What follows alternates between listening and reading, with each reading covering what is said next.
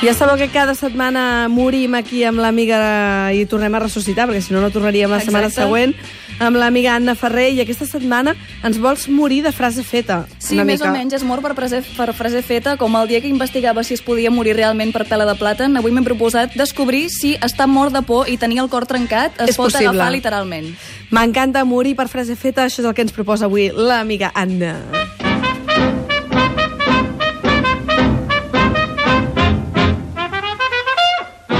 Comencem amb morir-se de por. Exacte, morir-se de por, a veure què diuen els científics, si és possible o no. Els científics diuen que, bueno, per començar, que no s'acostuma a posar espant com a causa de la mort de ningú, però que és totalment possible, perquè quan algú rep un xoc molt fort o està sotmès amb molta angoixa, pot tenir una pujada d'adre- d'adrenalina tan i tan forta que atordeixi el cor severament fins que deixi de bategar. Estàs animant. Bueno, dona, a veure, no, uh, no és uh, molt, molt probable, encara que sigui possible. Vull dir, ha de ser una situació totalment insostenible. I s'assembla molt a un atac de cor, però no és exactament el mateix, per tant s'acostuma a confondre. Però sí, el cas és que sí, és possible morir-se de por, morir-se del susto.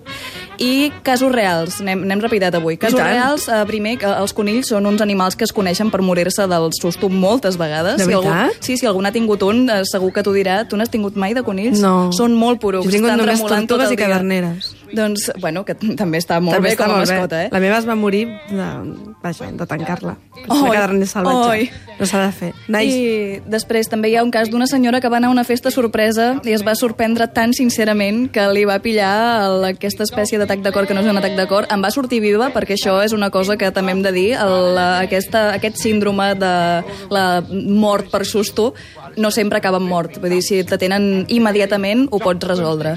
I pel que fa als casos ficticis, el gos dels Baskerville, que ja n'havíem parlat eh, el dia dels ofegaments, tot es desencadena a partir de la mort de Sir Charles Baskerville, que està molt espantat d'aquell suposat gos que surt de l'infern, i es mor del susto. I això va ser precisament el que va inspirar el sociòleg David Phillips a indagar si podia morir-se del susto realment algú i gràcies als experiments que va fer en David Phillips a partir del gos dels Baskerville es va poder demostrar el que acabem d'explicar I què vas dir, que amb algun animal li va acabar de fer del boca a boca o com va anar la cosa? Això és una altra cosa. Va fer estudis que no suposessin allò compromís professional, no, no fer sustos molt forts a la gent i matar-la. Sí, només eh, morir una miqueta, no? Sí, bueno, és el que ell li deia l'efecte Baskerville. Se'l coneix per molts noms, aquest síndrome, però l'efecte uh. -huh. Baskerville és el que m'agrada més a mi. I maco que Ai, inspirés això. Sherlock, Sherlock, si tornés. Què en pensaria d'això? One broken lover's heart. One broken heart. Molta gent amb el cor trencat al món i els científics diuen que pot passar. Els científics diuen que pot passar que no se'ns partirà el cor eh, en dos, així com de dibuixos animats, però que l'angoixa emocional, com la d'un desengany amorós o com la de la mort d'un ésser estimat, ens pot portar a la tomba molt fàcilment.